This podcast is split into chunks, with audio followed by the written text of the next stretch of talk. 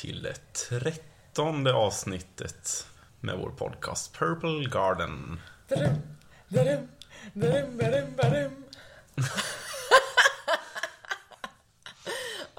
Så nöjd.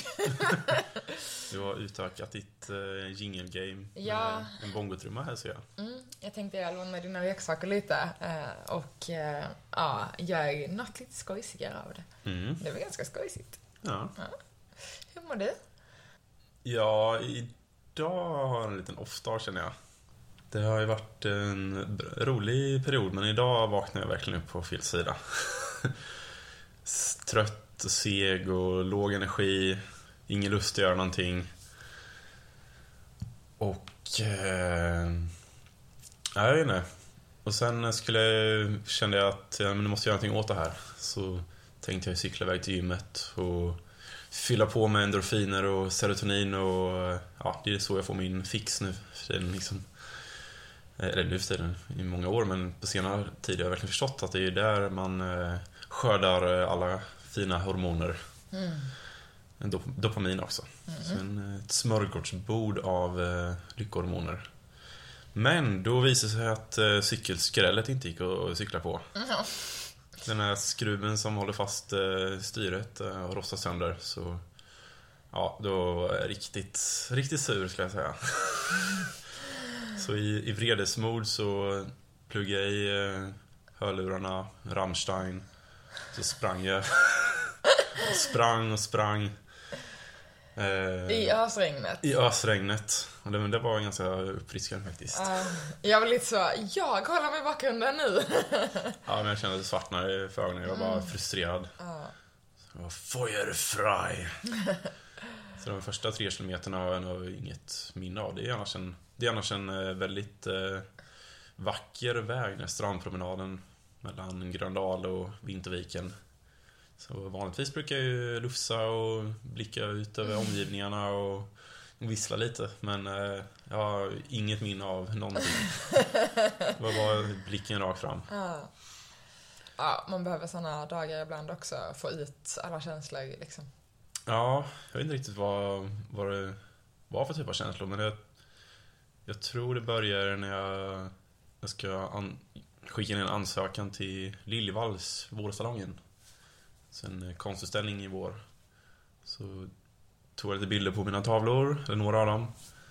Så jag vet inte, jag blev väl påmind om att, eh, för det hänger ju tavlor överallt här.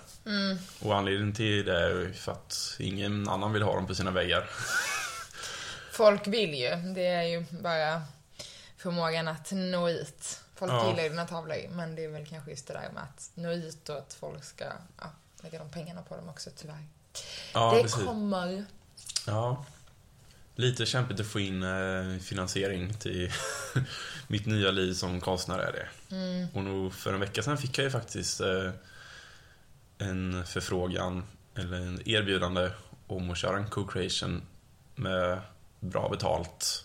Så det var ju kul, men tills jag upptäckte att hon hade skrivit fel datum. Det var ju nu på fredag. Ah. Och då är vi nere i Malmö på min brors dotters dop. Eller namngivning. En ceremoni som jag själv ska hålla också så att det kändes inte riktigt läge att och, eh, skippa det. Vilket också är så synd när det väl verkligen så, men det är så släpper, det lossnar och det är det roligaste du vet och så bara, nope. Ja, nej, så jag börjar väl nästan eh, undra om eh, det är något, om universum har någonting emot mig här. Det är, inte, det är inte, inte meant to be att jag ska kunna försörja mig på det här. Jo, det är det, det bara tar en jävla tid. Nåväl, det var skönt att, med en rage-löptur i alla fall. Mm, kanske landa lite närvarande när nu spelar in också. Mm. Precis, få lite ny energi av ditt kvittrande. ja, jag har annars hållit mig också varit ganska instängd idag. Ja, men annars är det egentligen bra. Jag har haft en väldigt rolig period bakom mig. Mycket målande. Väldigt mycket målande. Det har målat sjukt mycket, alltså typ säkert 20 timmar Ja. eh, bara under helgen känns det som. Jag har kommit in i det där psykosliknande tillståndet ibland när jag bara står i tre, fyra timmar utan att tänka. Ja, minst. Och jag är typ så, Erik, nu slutar du, för nu ska du sova snart. Du måste snart gå och lägga dig. Väl, väldigt till. Ja. Väldigt till. och inte för att jag är någon så hemsk fru som bara, gå och lägg dig. Utan det är mer att jag vet att du behöver några timmar att varva ner efter du har målat så länge. Kanske inte några timmar, men någon timme i alla fall. Ja, mm. Jag vill ju bara vara snäll och hjälpa dig. Mm. Men, äh, ja. Men, men, nog om mitt mående. Hur mår du? Eh, nej men jag har också lite off-dag idag. Samma mod som vädret. Riktigt höstregnigt. Ja, idag är verkligen eh, hösten här med besked. Ja, höstens första dag regnet smattrar utanför. Mm, usch ja. Men du kanske, kanske har någon form av energibakfylla också? Du gjorde Ja. ju stora grejer igår. Precis, dels har jag energibakfylla, vilket jag också insåg i morse när jag satt och mediterade. Att ja, men jag hade en riktig haj igår, sjukt hög energi.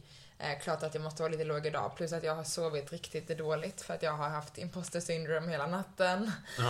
Eh, Välkommen till klubben. Ja, så eh, ja, men jag hade min första, eh, första, vad ska man säga, mötet i min åtta veckors kvinnocirkel eh, med samma grupp och eh, det var en helt fantastisk kväll igår. Efter det hade jag ett helt otroligt yogapass. Eh, så jag bara liksom kom hem igår och bara pjum! Så glad. Uh, men kände att jag kanske inte, för jag hade tänkt på kvällen sätta mig och liksom gå igenom lite men hur det gått med ja, kvinnocirkeln och bearbeta till nästa gång och sånt där. Helt plötsligt så ja, vaknade jag upp typ tre, fyra gånger i natt, jättesvårt att somna om och bara Gud, vad håller jag ens på med? Jag kan ju inte det här, vem tror jag att jag är? Och gick igenom ja, allting 50-11 gånger i huvudet. Um, så jag är ganska trött, jag har inte sovit så många timmar och jag tror också det har gjort mig lite låg. Plus att vi ska, vi åker till Skåne imorgon. Um, och jag känner väl typ så att jag hade velat vara så mycket ledig som möjligt och velat jobba igen lite jobb eh, samtidigt som man inte hunnit det. Ja, det är så mycket som jag velat göra som jag bara känner så, inte en chans i livet att jag hinner det. Eh, Ja, har och då lagt- känner jag mig ändå stressad. Du har också lagt väldigt mycket på din tallrik. Ja, jag vet, jag vet. Men nu känns det också som att så, men nu får man go through with, with what, it, what, what it contains. Får Man liksom äter upp det man har tagit på sin tallrik, ligger där och ont i magen och sen inser att okej, men nästa gång ska jag inte ta lika mycket mat för att jag orkar inte det här. Ja. Ehm, men det är lättare sagt än gjort. Mm. Mm. Överlag så är det ju, har ju vi utsatt oss själva för väldigt många nya upplevelser i år. Väldigt många. Och det är ju lite en radioövergång till vad vi ska prata om idag. Ja. Just att eh, testa nya saker i livet. Testa nya upplevelser, experimentera. Ja, våga, Söka. ja, våga bryta vanor, mönster, bjuda in nya liksom, saker att utforska och vad det kan, hur det kan påverka oss i livet. Mm. Och inte bara åka i samma hjulspår. Nej, exakt. Och det kommer ju uppenbarligen med en del eh, smärta och motgångar.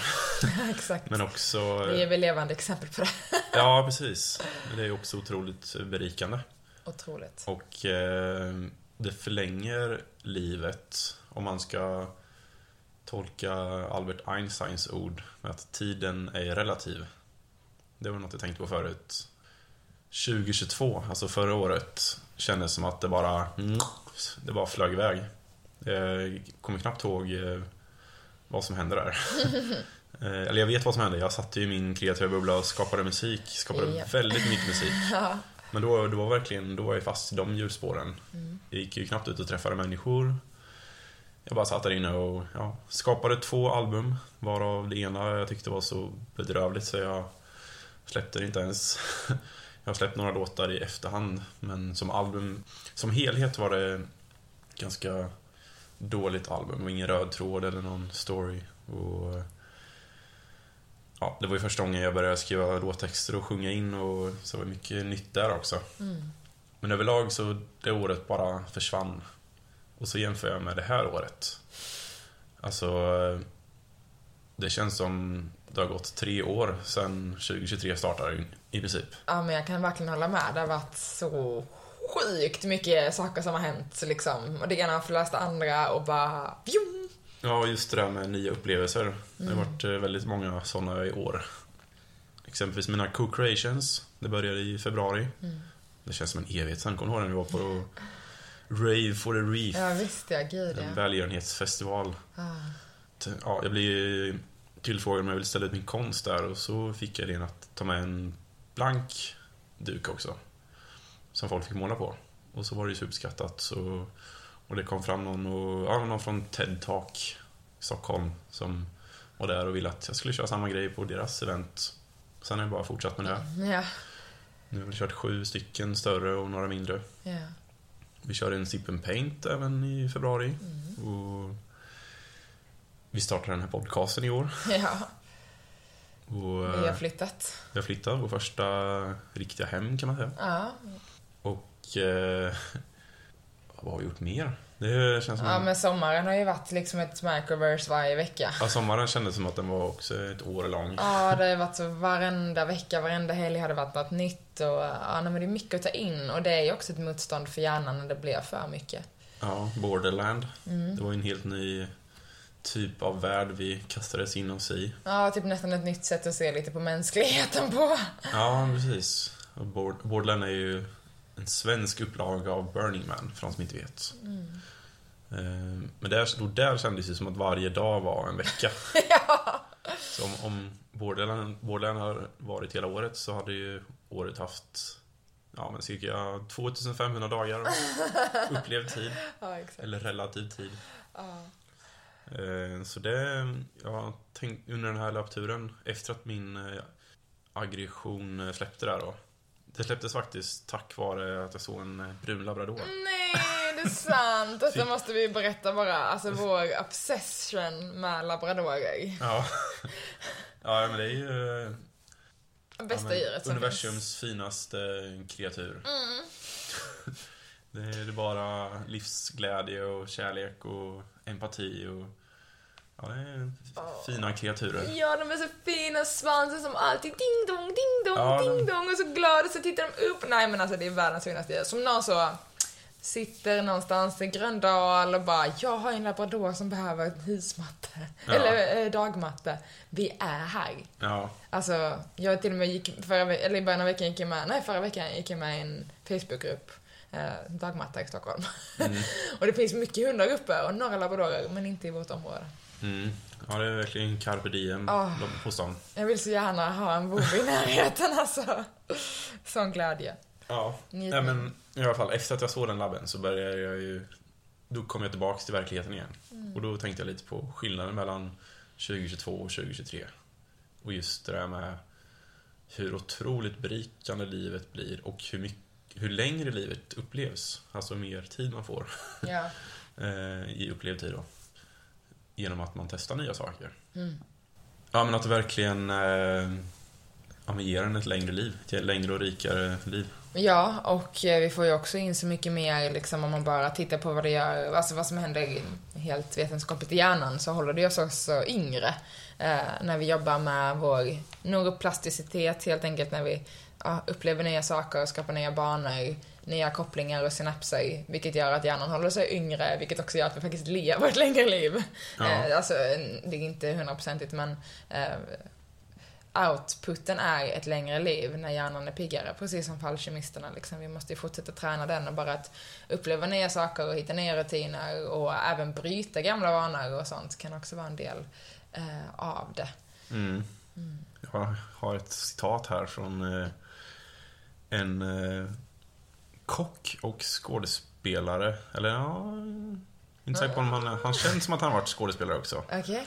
Men Anthony Bourdain, vet du vem det är? Nej, jag känner igen dem. Jag är så dålig på namn. Det är en eh, fransk eh, kock. Eller han var, han eh, lever inte längre. Men eh, han, och han var ju en känd livsnjutare. Mm. Som de flesta kockarna är. Ja, gud ja. De har hittat livets lycka. Men han sa att, eh, och det är lite, lite mörkt här då. Beroende på hur man ser det. Ah, Okej. Utan en vilja att experimentera och prova nya saker kommer vi med stor säkerhet bli statiska, repetitiva och döende. Ja, men eh, jag tycker han har fullt rätt i det liksom. Alltså Ja. det är så verkligheten är, punkt slut. Ja. Skitsorgligt, men det är så, allt är inte guld och gröna skogar. Och alltså, jag menar, rör vi inte oss så kommer vi börja förmultna som grönsaker liksom. Tänker vi inte använda hjärnan och skapa nya banor, hitta på nya saker och kreativitet, då dör hjärnan den också så Ja, småningom. nej, precis. liksom. Det är ju som en, typ som en muskel. Ja, ja gud. Eh, och just att den också har den här, som jag nämnde, plasticiteten, vilket innebär att hjärnan kan förändras.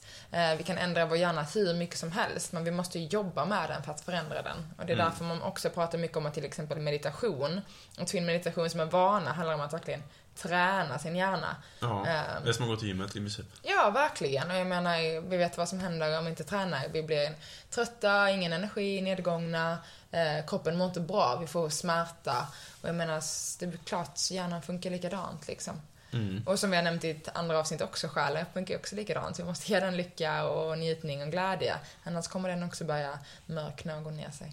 Ja, det vet jag inte om jag håller med riktigt. Tror du inte? För Men, mig, för mig ser jag ser själen som en eh, oföränderlig entitet. Att den, eh, själen är exakt som den är. Den förändras aldrig. Det är bara det som kan förändras är vår förmåga att eh, se själen, eller att förstå själen. mm. Att den, eh, ja, ibland måste man gräva djupare för att, eh, ja, men för att förstå vad det är för någonting. Ja, Att, eh, ja, men exempelvis min, eh, min stora passion för att måla och skapa musik. Och det handlar inte om musik och konst, men min, min passion att skapa. Tror jag, jag, den har jag alltid haft. Och det vet jag att jag har haft. För jag ritade väldigt mycket när jag var liten och skrev och ja, mycket kreativitet som pågick. Sen eh, i mina vuxna år så tror jag jag glömde bort det lite. Och eh, sen nu på senare år så har jag verkligen hittat den delen av min själ igen. Mm. Men den har alltid funnits här. Jag tror att man har en själ som aldrig förändras. Det är bara att man kanske tappar relationen med den. Ja, det är det här som jag tycker är så spännande. Nu ska jag bara ta det jättekort för att det här känns som att det kan vara ett helt avsnitt. Vi har varit inne på det tidigare avsnitt också. Just vad, alltså kring vad är själen? Och vi kan ju fortfarande ha karmiska saker med oss i vår själ, till exempel att vi har upplevelser från tidigare liv som kan sätta sig själsligt. Som vi på något sätt, enligt min tro, eh, detta är bara hur jag tror och ser på själen. Men att de här karmiska upplevelserna vi tar med oss kan vi lösa upp. Och att det är därför dels en av anledningarna till att stjärna, själen reinkarneras i, i jordsligt sammanhang. Men också såklart för att själen ska ha en mänsklig upplevelse. Eh, Men jag håller ändå med dig om att själen är någonstans statisk, den är som den är. Men vi kan ju fortfarande, jag tror vi kan fortfarande sätta avtryck på själen från det livet vi lever. Ja, eller Ja, nej, det, det här skulle vi kunna ha ett, ett helt avsnitt om. Ehm, ja, vi kanske får släppa den där. Mm. För jag tyckte så det du sa kändes också så himla rätt, men sen känner jag ändå att jag känner som jag känner. Ja. ja. Jag fick också en association till vårt eh, avsnitt om kreativitet. Det var nummer tre eller fyra kanske. Mm. Så pratade vi om, eh, eller det tror jag som hade grävt fram en studie från eh, Scott Bear Kaufman hette han. Han som eh, han forskar inom kreativitet. Och han hade gjort en jättestor studie, nu minns jag inte exakt vad, vi, vad det handlar om, men i runda slängar så hade han gjort en jättestor studie på många framgångsrika projekt. Alltså det var ju allt från finans och bank till konst och kultur och alla, alla områden i samhället i princip. Och kollat på liksom slutprodukter. Riktigt framgångsrika slutprodukter helt enkelt. Mm. Och sen kollat på ja, men, eh, idébäraren eller de som var pådrivare i projektet och, och liksom undersökte vad, vad har de för egenskaper. Och de gick in i studien och trodde att eh, IQ, alltså hög IQ, var liksom den dominerande faktorn. Att det var det som ledde till framgång. Men så visade det sig att IQ, det var inte alls eh, det var inte alls eh, korrelerande. Det var vissa var dummies och vissa var smarta. Det var liksom all over the chart. Men det som var verkligen eh, närvarande i alla de här projekten var en förmåga att vara öppen för nya upplevelser. Ja. Så även eh, i ett, i en sån, i sånt sammanhang så är det ju behöver inte livet handla om att göra framgångsrika saker men eh, om, om man är lagd åt det här hållet, om man har, är ambi, ambitiös och vill ta sig fram i livet så är det just förmågan att testa nya grejer och att vara öppen för nya upplevelser vital. Ja, och alltså verkligen det här bara med att vara nyfiken och vilja lära sig och ta sig ett steg vidare. För det är så, men vi, alltså är det en sak vi kan vara säkra på här i livet så är det att vi kommer utvecklas. Eh, och för oss som står still och tänker samma tankar som vi tänkte för 30 år sedan, ja, sad, men det, det är liksom inte så livet eller så då, då har man oftast troligtvis någon typ av ångest eller något annat som sätter stopp. Eh, och som också kommer ge liksom, ja men, troligtvis sjukdomar framåt. För att livet och allt vi gör och upplever är ju till för att utvecklas och ta sig vidare och gå ett nytt steg liksom. Mm. Eh, och också hela delen om det här, alltså bara mänskliga upplevelsen som vi har här på jorden. Eh, alltså uppleva så mycket vi kan. Ja. Och det är svårt att liksom ta sig framåt och lösa problem i vardagen om man inte tar ett steg bak och, eller testar något nytt och ser saker från andra perspektiv. Ja, precis. Plus att det är så mycket också, alltså när vi testar och lär oss nya saker, eh, eller hittar nya banor och sånt, så har vi ett otroligt belöningssystem i vår hjärna också. Eh, som uppmanar till att vi ska göra de här grejerna. Ja. Eh, vilket också är ganska viktigt i det hela. Är det dopaminutsläpp då eller? Ehm, ja, alltså dels det, men det är väl kanske framförallt så, ehm, ja det blir ju en dopamin eh, i form av att, att vi får det här belöningssystemet när vi strävar efter något, eh, något nytt. Eller att vi eh, ja, men upprepar en handling som vi har gjort tidigare. Så detta kan liksom vara dels testa något nytt, men kanske framförallt upprepa den som att hitta en ny bana. Mm. Eh, eller, Programmera om sig själv. Ja, men precis. Eh, Och det är till exempel därför som när vi tar upp telefonen två sekunder efter vi har lagt ner den så kickar också det här belöningssystemet igång för att det är en vana vi skapar. Sen är det en otroligt dålig vana. Ja. Men det fattar inte hjärnan. Ehm, så genom att fortsätta att göra liksom, ja, men, nya saker så kommer eh, ja, men det här dopaminutslaget ske i, kroppen, eh, i, i hjärnan, det här lyckohormonet, som gör att oh vad duktig jag är. Eh, men det måste också ske i en kombination med ett glatt sinnes, med en glad sinnesstämning. Eh, så till exempel om jag eh, har, alltså om jag tycker jättesynd om mig själv och jag är så, ah, jag är så ledsen, allt är så jobbigt och jag borde bara få äta choklad och chips idag och så äter jag massa choklad och chips. Då tror hjärnan att jag belönar mig själv för att jag är ledsen. För att belöning enligt hjärnan är att få chips och godis och, och, eller choklad, det kan vara vad som helst. um, eh, ser hjärnan då som en belöning eftersom vi skickar ut positiva hormoner men det kopplas till en negativ associitet, till exempel att det synd om mig. Och nu säger inte jag att vi inte ska sluta, alltså att vi inte ska äta choklad när det är synd om oss.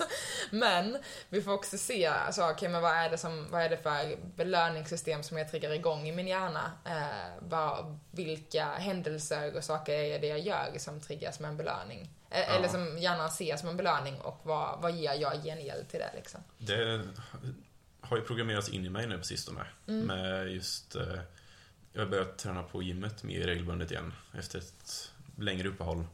Och, då, och nu tränar jag nästan alltid på lunchen.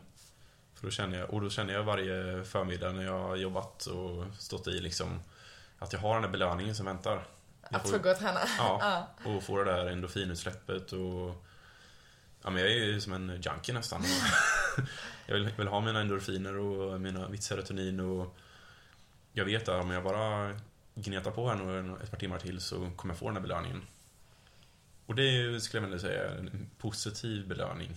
Det är en väldigt Om man jämf- positiv Om man belöning. jäm- jämför med att eh, äta choklad och chips när man är ledsen. Ja, eller när man hör åh nu har jag jobbat halva dagen, nu ska jag få ta en chokladbit. Det Ja. kan som sagt också vara en fin grej, men, men just också att vi bjuder in det som en vana. Eh, och göra något som är hälsosamt för kroppen i den här vanan är ju jätteviktigt. Ja, Och också speciellt, eh, just när man kommer till träning också. För som du sa, du får det här lyckorus, lyckoruset, du får jättemycket hormonutsläpp. Och det får vi också genom att vi kan göra den här belöningen i upprepandet av saker och ting. Eh, så får vi det automatiskt. Men också genom att, för det är svårt att hitta nya vanor, det är svårt att bjuda in nya mönster för att hjärnan är så, gud, nej men nu är det något som händer här. För den skickar också att så, stopp, nu håller det på att hända något nytt här. Vad är det som händer?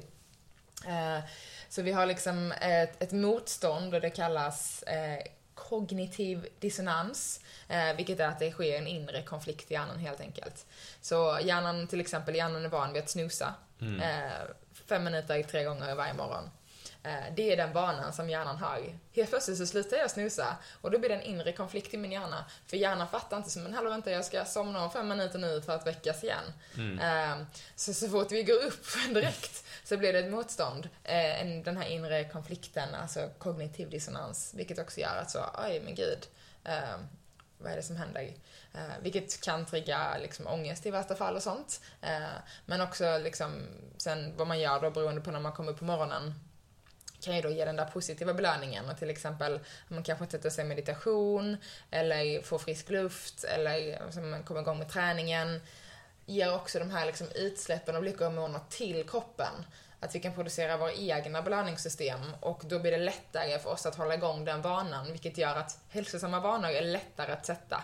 Eh, såklart lika lätt att bryta, men att sätta en negativ trend eh, som inte skickar ut positiva signaler i form av att men jag skapar egna lyckohormoner är svårare att sätta, men också svårare att bryta. Mm. För att vi är bekväma varelser. Ja, ja, det, är vi. ja, men det kände jag verkligen idag när jag skulle till gymmet och sen funkar inte cykeln. Och jag kände att ah, men klockan är för mycket, om jag ska gå dit så nej, pallar inte jag. Men då, då kändes det konstigt liksom. Alltså bara, men nu ska jag dit, nu ska jag till gymmet. Och så blev jag berövad på den upplevelsen. Det var så inprogrammerat i mig. Ja, för att det var liksom som, jag behöver det här utslappet, jag behöver den här belöningen för att det är liksom det som sitter där. Och det har blivit samma sak för mig, vi nämnde att jag har inte telefonen i sovrummet längre. Eh, och det har blivit exakt samma sak där. Jag tyckte det var jättejobbigt i början, men nu vill jag verkligen inte ha den där för att jag vet att så, åh, men jag får ju komma upp istället och göra mina rutiner på mattan på morgonen oavsett vad det må vara för dagen. Men just att inte så mata mig med de här snabba dopaminkickarna som kommer från sociala medier, utan så jag har vant in kroppen nu vid att så, åh, nu ska du få landa, du ska hitta ditt lugn, du ska få känna ditt inre. Och den vill ha det mycket, mycket mer än vad den vill ha de här snabba dopaminkickarna som vi får av ett scrollande. Så det är väldigt spännande att så, jag vill inte ens ha telefonen där inne nu. Till och med, jag har ju mina helger som är heliga, men till och med de börjar känna så, mm, nej, vet fan. ja, det är spännande. Mm. nu tog du mig på bar gärning här. Jag är Nu skyller jag på mitt stjärntecken igen. Jag är vattuman. Och eh, per definition då tankspridd.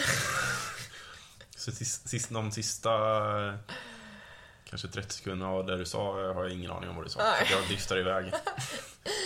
Så jag tänkte att det kanske är dags att vi alla får drifta iväg. Ja, Vad tror du om det? ja, det tror jag blir bra. Slänga in en liten eh, Seven Camels trudelutt här kanske. Mm. Och jag tror vi har en låt kvar på Interstellar-albumet. Och den passar ganska bra idag faktiskt. Okej. Maze. Ooh, ja. För just nu känns det som att man är ute i en labyrint och... Eller i mitt fall i alla fall. Att jag ja, är ute och letar efter... Ja, går de olika gångarna. Ser vart... Eh, ja, precis. Och ingen aning vart någon av dem leder någonstans. Är väldigt kul. Det är kul att gå i labyrinter. Ja, det är väldigt spännande. Man vet inte vad som händer. Ja, så vi slängde in eh, ja, 45 sekunder av Maze.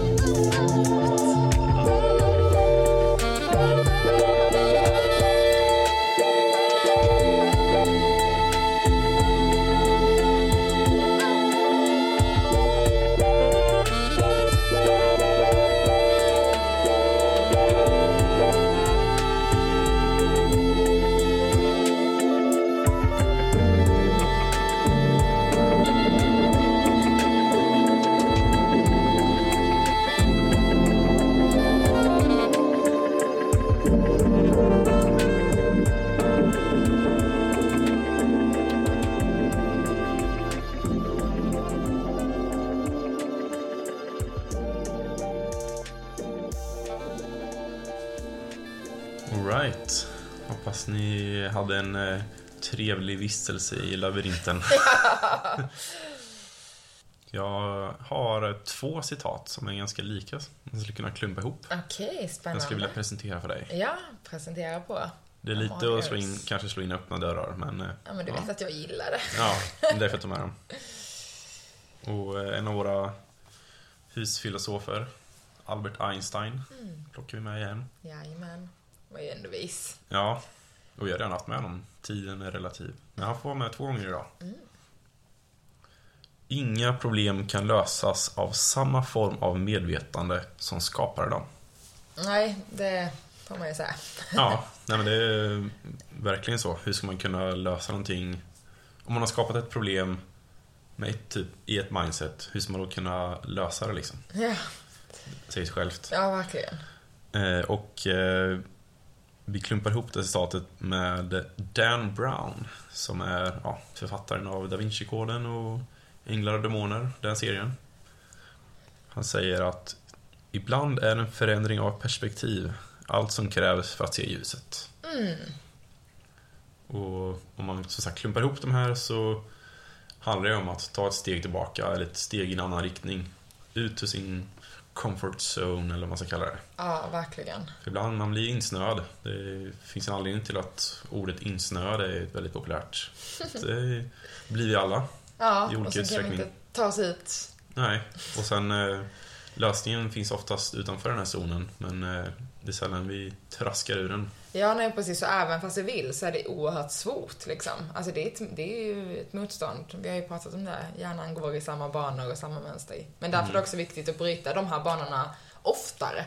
Så liksom att hela tiden tänka nya banemönster, vara kreativ. Eh, för att allt det där kommer ju liksom påverka vår förmåga att bli bättre på att hitta nya sätt att se på saker och ting på. Det finns ju en anledning till att folk som är riktigt grymma, typ entreprenörer eller problemlösare, de är jättebra på det för att de gör det mycket. Mm. Alltså det är också en upplärningsförmåga liksom. Eh, Och så är det med allt. Vi är juniora i början av vårt liv och sen blir vi seniora för att vi har en, en, en erfarenhet som bygger på det liksom. Mm. Och det är ganska spännande om man tittar på vad som faktiskt sker i hjärnan. Så ja, men det är svårt att, att liksom tänka utanför boxen och se nya tankebanor. Eh, Och det kräver väldigt mycket så självkontroll och uthållighet. Ehm, Och det är något som vi påverkar i förändringar som sker i prefrontalcortex, alltså den delen av Oh, hjärnan. Kan du säga det fem gånger snabbt? Prefrontalcortex, pref... ja. Eh, Men frontalgloben. Mm. Eh, Och det är den delen av hjärnan där vi kan se väldigt mycket aktivitet. eh, När vi tar till exempel beslut, när vi eh, planerar, men också där vi har eh, en kontroll för våra impulser. Eh, Så det är liksom här, det är typ som vår planeringshjärna där framme. Här kan vi så styra och ställa och skicka vidare beslut. Ehm, Så ju mer vi tränar på att tänka utanför boxen så tränar vi liksom prefrontalcortex, jag kommer säga frontalgloben. Ja, lättare att säga.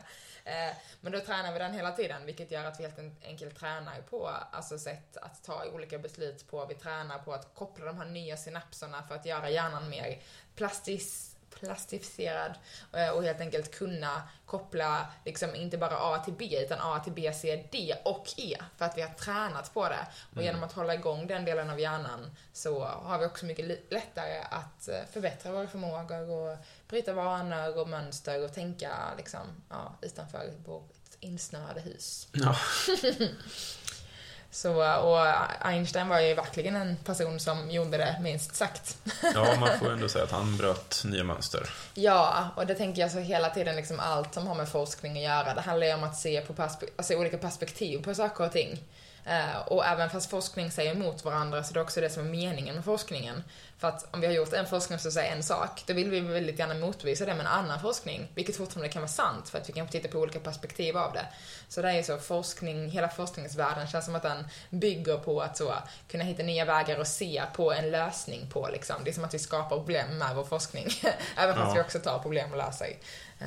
Ja, nej precis. Just forskningen, forskningsvärlden är dock eh, verkligen eh, komfortzons eh, inriktad. Ja, den är tyvärr väldigt kapitaliserad, även fast man inte tror det. Ja, eller jag tänker mer liksom forskarens egna perspektiv. De Ah, är ju okej. väldigt, på tal om insnöade, Ah. de är ju verkligen insnöade. Jo, men det är Bra. det som har ju alltid sin motforskare också. Ja, men det, det tror jag också är väldigt vanligt med ryggdunks eh, Mm. kollegor som tror på samma saker och forskar på samma saker. Ah. Och att de dyker så djupt så att de liksom tappar eh, verklighetsförankringen. Ah. Att vad ska den här forskningen ens användas till? Mm. Vad vill vi få ut av det här? Ja. Det är faktiskt ett eh, kul uppdrag jag hade för ett år sedan. Då var jag med och startade upp eh, World Academic Forum. Som är en... Ja, hela poängen var ju att det skulle vara interdisciplinärt. Att man samlar världens alla forskare till någon form av eh, ja, men global rörelse. Där eh, man kastar in forskare från olika kategorier. Alltså kanske en fysiker och en eh, neuroscientist, eh, neurovetare och en, eh, kanske en, en psykologiforskare. Och, ja, men, eh, kanske oftast var det samtal mellan fem, sex olika forskare inom vitt skilda områden. Och de samtalen, för vi hade ju, vad ska man säga, webbinar varje månad. Och även vissa fysiska träffar då. De var otroligt spännande. För de verkligen kompletterade varandra och byggde på och skapade i princip ny kunskap som var ja, tvärvetenskaplig kunskap. Då. Mm, häftigt. Och forskarna själva tyckte det var hur kul som helst. De eh, kunde applicera sina idéer i andra sammanhang. Och... Så det var verkligen att, att testa nya grejer och experimentera och ge sig ut på djupt vatten. Mm, spännande. Och så vitt jag vet så trummar de på fortfarande de här, det här projektet. Ja, kul ju. Ja. Och det är ju något som egentligen också alla, alltså hela idén av det, det är något som alla företag har tagit med sig när man pratar om att så, att gå och ta kaffe vid kaffemaskinen, stanna och prata lite. Ja. Det är där de bra idéerna kommer. De Ja. kommer inte när man sitter på sitt egna kontor och trummar på sitt. Nej, precis. Eller som eh, John Irving sa, en amerikansk författare. Vi behöver ofta tappa siktet på våra prioriteringar för att kunna se dem. Hmm, ja men verkligen. Så det är oftast när man tänker aktivt att nu ska jag lösa det här problemet, då löser man det i princip aldrig. Däremot om du går till gymmet eller går och ställer dig i duschen eller går ut och tar en promenad. Du bara oj, du kanske ser någonting omkring dig som eh, sätter igång en tankeprocess. Eller ja, vad det nu kan vara. Det är oftast när du går ur din, din eh, vardagliga miljö som du löser problemet du Ja. sitter med och, och jobbar med. Och det får man ju säga, typ så hela, eh, alltså det här med att sitta och jobba hemma. Alltså det hämmar ju ganska mycket egentligen. Mm. På ett sätt, eller det, vissa har jättemycket disciplin och går ut varje dag och tar sig iväg liksom och gör någonting men Ehm, just det tror jag verkligen hämmar stora delar att visst jobbet blir verkligen bara ett jobb vilket jag tror är positivt i vissa bemärkelser.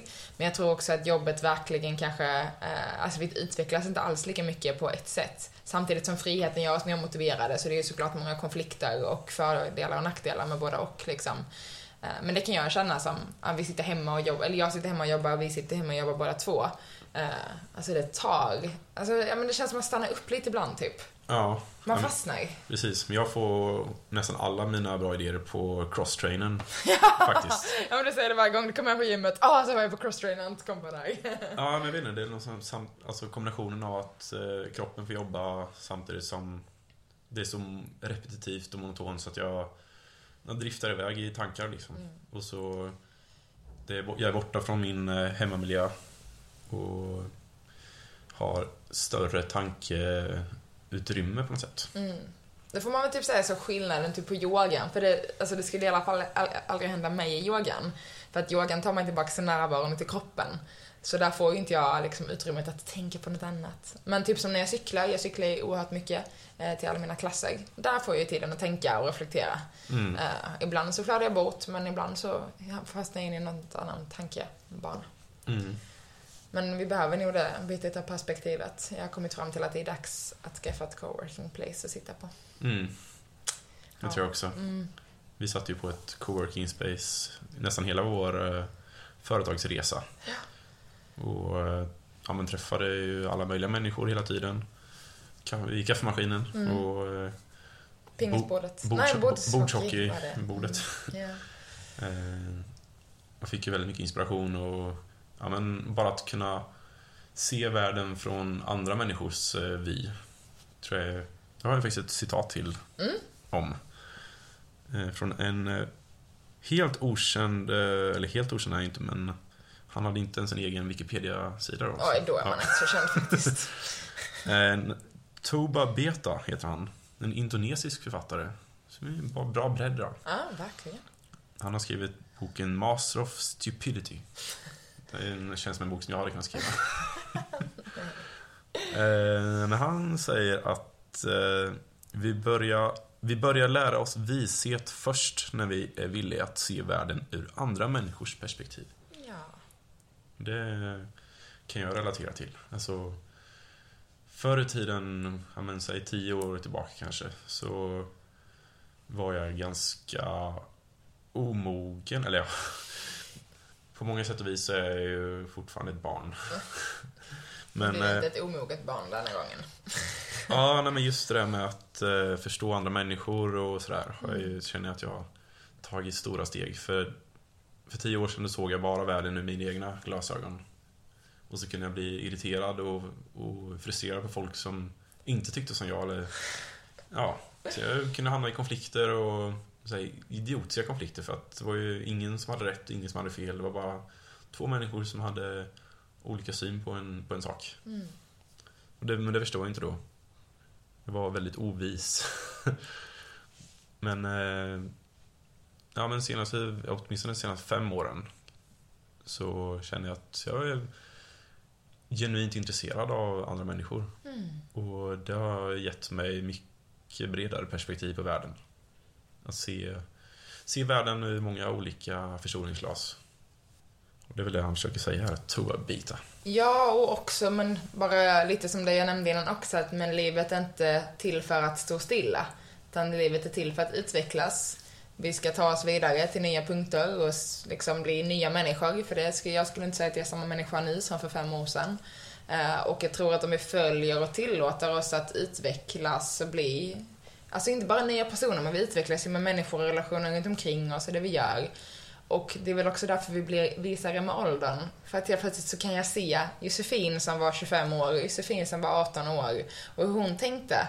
Och även fast det är fortfarande jag som person så är det inte den personen jag är längre. Så jag kan liksom titta tillbaks bara i mina egna skor och sen såklart alla relationer och människor jag har runt omkring mig som bidrar till att jag får se de här andra perspektiven som han säger. Eh, vilket leder till visdom någonstans liksom. Ja, precis. Det är väl som du sa innan med synap- nya synapser i, som skapas i hjärnan. Ja. Och det skapar man ju hela tiden om man då utsätter sig för nya situationer. Exakt. Och framförallt sätta sig in i andras, eh, andra personers skor. Eh, Mm. Så ja, åldern ger visdom. Ja, inte bara Nej, inte bara åldern, men jag tror också att den gör det. Eller alltså det blir en naturlig del av att men vi utvecklas som personer, om vi väljer att göra det. Mm. Så blir vi visare för att vi som sagt ser oss själva från tidigare år. Olika personer som kanske är någon annan som skulle kunna varit en helt annan person, men som ändå var oss. Liksom. Mm. Applicera det på den, den situationen vi är på idag. Ja. För det har vi ändå upplevelser och erfarenheter av. Liksom, även fast det kanske är från ett annat, annan tid i livet. Mm. Ja, nej, men det är, det är läskigt med nya upplevelser. Ja, det är väldigt Eller, läskigt. Komfortzonen är ju väldigt eh, skön och trevlig. Ja, och det, det ger ju också, som jag sa, det är ett motstånd för hjärnan. Alltså, Mm. så gud, nu händer det något här, nu, men jag hade ju den här bra vanan, varför den här kognitiva dissonansen, varför ska jag ta mig hit istället? Ah, konflikt, konflikt. Mm. Ehm, men, eh, ja, jag gör det ofta av en bra anledning. Men så det kan ju verkligen vara, alltså det är jobbigt för att det är ett motstånd. Eh, det kan ge ångest, det kan trigga olika saker och ting, men eh, fan vad nice det är att utvecklas och testa nya saker och våga utmana sig själv. Mm. Det är modigt. Ja, det, det är det. Ja. Det är som, precis som Eleanor Roosevelt sa. Nu har jag inte något citat framför mig, men det var någonting som etsade sig fast för länge sedan. Att eh, för var, varje dag så ska man göra någonting som känns läskigt. Mm. Ja. Och Eleanor Roosevelt är ju för övrigt eh, fru till Theodore Roosevelt som var president i USA. Och hon var även en stor förespråkare för kvinnors rättigheter och ja, ja, hon gjorde mycket gott i världen. Ja, så hon utsatte sig också för väldigt många nya miljöer och upplevelser. Ja, verkligen. På tal om det. And behind every man is an even great woman. Ja. Ja. Så är fallet här i alla fall. Här. Nej. Ni kompletterar varandra fint. Ja. Jag slutar tala ner dig själv. Kommer inte göra gott för hjärnan. Ja, nej. Nej, exakt. Kan vi bryta den vanan nu eller? Bryter den nu direkt. Ja. Men om man känner att så, men jag behöver lite hjälp på traven för att bryta nya vanor. Och det här med målning låter ju spännande. Vad ska man göra då, Erik? Över eh, kastning. Ja, nej, men då ska man ju komma på våra Sip and Paint-event i oktober. Ja! 15 och 22. Jajamän. Så det är målning med eh, en liten terapeutisk eh, touch på det. Ja. Vi ska köra meditativ art journey. Mm. Så meditativ målning. Så vi, vi målar från vårt undervetna, Mm. våra känslor. Och så eh, förhoppningsvis så kommer ni känna er frigjorda och eh, harmoniska efteråt. Kan i princip nästan våga garantera det. Ja, jag själv... Money back guarantee! Nej, men det, det blir också en väldigt härlig stund. Vi ska sitta och sippa på någon... eh, På en eh, drink, på Mm. kanske en mimosa. Mm. Och ha det trevligt. Mm. Kladda lite. Ja. Supermysigt ska vi ha det. Mm. I höst, höstmyset. I höstmörkret tänkte jag säga. Men det är söndag eftermiddag. Eh, två veckor i sträck. Så kan man inte den ena så kanske man kan den andra. Ja, Mm. och där har vi ett Facebook-event på ja, Purple Gardens Facebook-sida. Ja, och kan även länka det i... eh, Kan även länka det i beskrivningen till podden, till avsnittet. Mm. Mm. På tal om det så tror jag jag kanske ska ta och måla lite nu så jag får tillbaka min energi. Ja, det tycker jag låter som en fin plan. Det var mycket frustration som flög ut när jag sprang. Men det känner att det fortfarande är lite kvar som ligger och eh, dinglar där inne. Ja. Det är ett fint sätt att, att få ut och få bearbeta. Mm. Och jag ska landa lite, snart till yogaklass. Sen har Mm. jag ingen mer yoga på hela veckan, för sen åker vi till Skåne. Ja. Känns konstigt. ja. Men det ska ja, bli precis. Det skönt. är så på tal om eh, hur man programmerar om hjärnan. För Mm. det är det ju nästan eh, standard nu att ha minst ett yogapass om dagen. Japp. Eller om man slår ut på en vecka så brukar det ju vara 6-7 pass. Ja, precis. Förra veckan var det sex pass, veckan innan det var det åtta pass. Denna Mm. veckan är det bara två pass. Ja. Eh, Nästa vecka vet jag att det är pass. Jag kompenserar. Ja. Eh, Ja, nej, men det är spännande också hur naturlig del av både undervisningen och yogan blir för kroppen och för sinnet. Det är, ju- det är väldigt spännande och häftigt alltså att uppleva. Mm. Eh, Hur bara, alltså det är som att göra det i sömnen liksom. Mm. Ja, nej. Mm, Kanske dags för dig att göra något nytt då? Nu Ja, men nu har jag gjort här det. Nu Ja, gör just jag den här kvinnocirkeln. Ja. Jag har haft imposter syndrome hela natten för att det är Åh gud, jag kan inte det här, jag kan yoga, låt mig gå. Mm. ja, så har det känts. Men eh, ja, jag utmanar mig att testa nya banor och eh, ja, Mm. det uppmanar vi er att också göra. Och som vi alltid har pratat om att eh, kontrasterna i livet är bra. Ja. Nu, som sagt, jag har en liten svacka nu. En liten dal. Vilket gör att jag kommer uppskatta topparna när de kommer ännu mer. Mm. Så att eh, testa nya upplevelser och eh, utmana sig själv. Det kan vara smärtsamt. Det är Utmanande. utmanande verkligen. Det kan vara en labyrint. Men eh, när, man kommer, när man har kommit i mål i labyrinten så får man en belöning. Exakt. Så, eh, och som sagt, kontrasterna i livet är väldigt viktiga. Ja, precis. Så eh, gör dig själv en tjänst och testa på något nytt. Ja. Vad det än kan tänkas vara. Yes. Ta dig ut ur komfortzonen. Mm. Så eh, ja, livet kommer inte bli enklare av det, men det kommer förmodligen, bli lyckligare. Ja, definitivt. Lyckohormonerna får hoppa av glädje i kroppen. Mm. Mm. Men eh, ni kommer i kontakt med oss på Our Purple Garden på Instagram eller Purple Garden på Facebook. Mm. Sen önskar vi er en, en fortsatt underbar dag. ja, och ha en fin helg i höstrusket. Ja. Kanske kura upp er med en eh, varm kopp te i soffan och Mm. ja, anamma den nya årstiden som eh, verkar ha slagit rot idag. Vi spelar in onsdag. Tisdag. Tisdag idag. Ja. Sorry.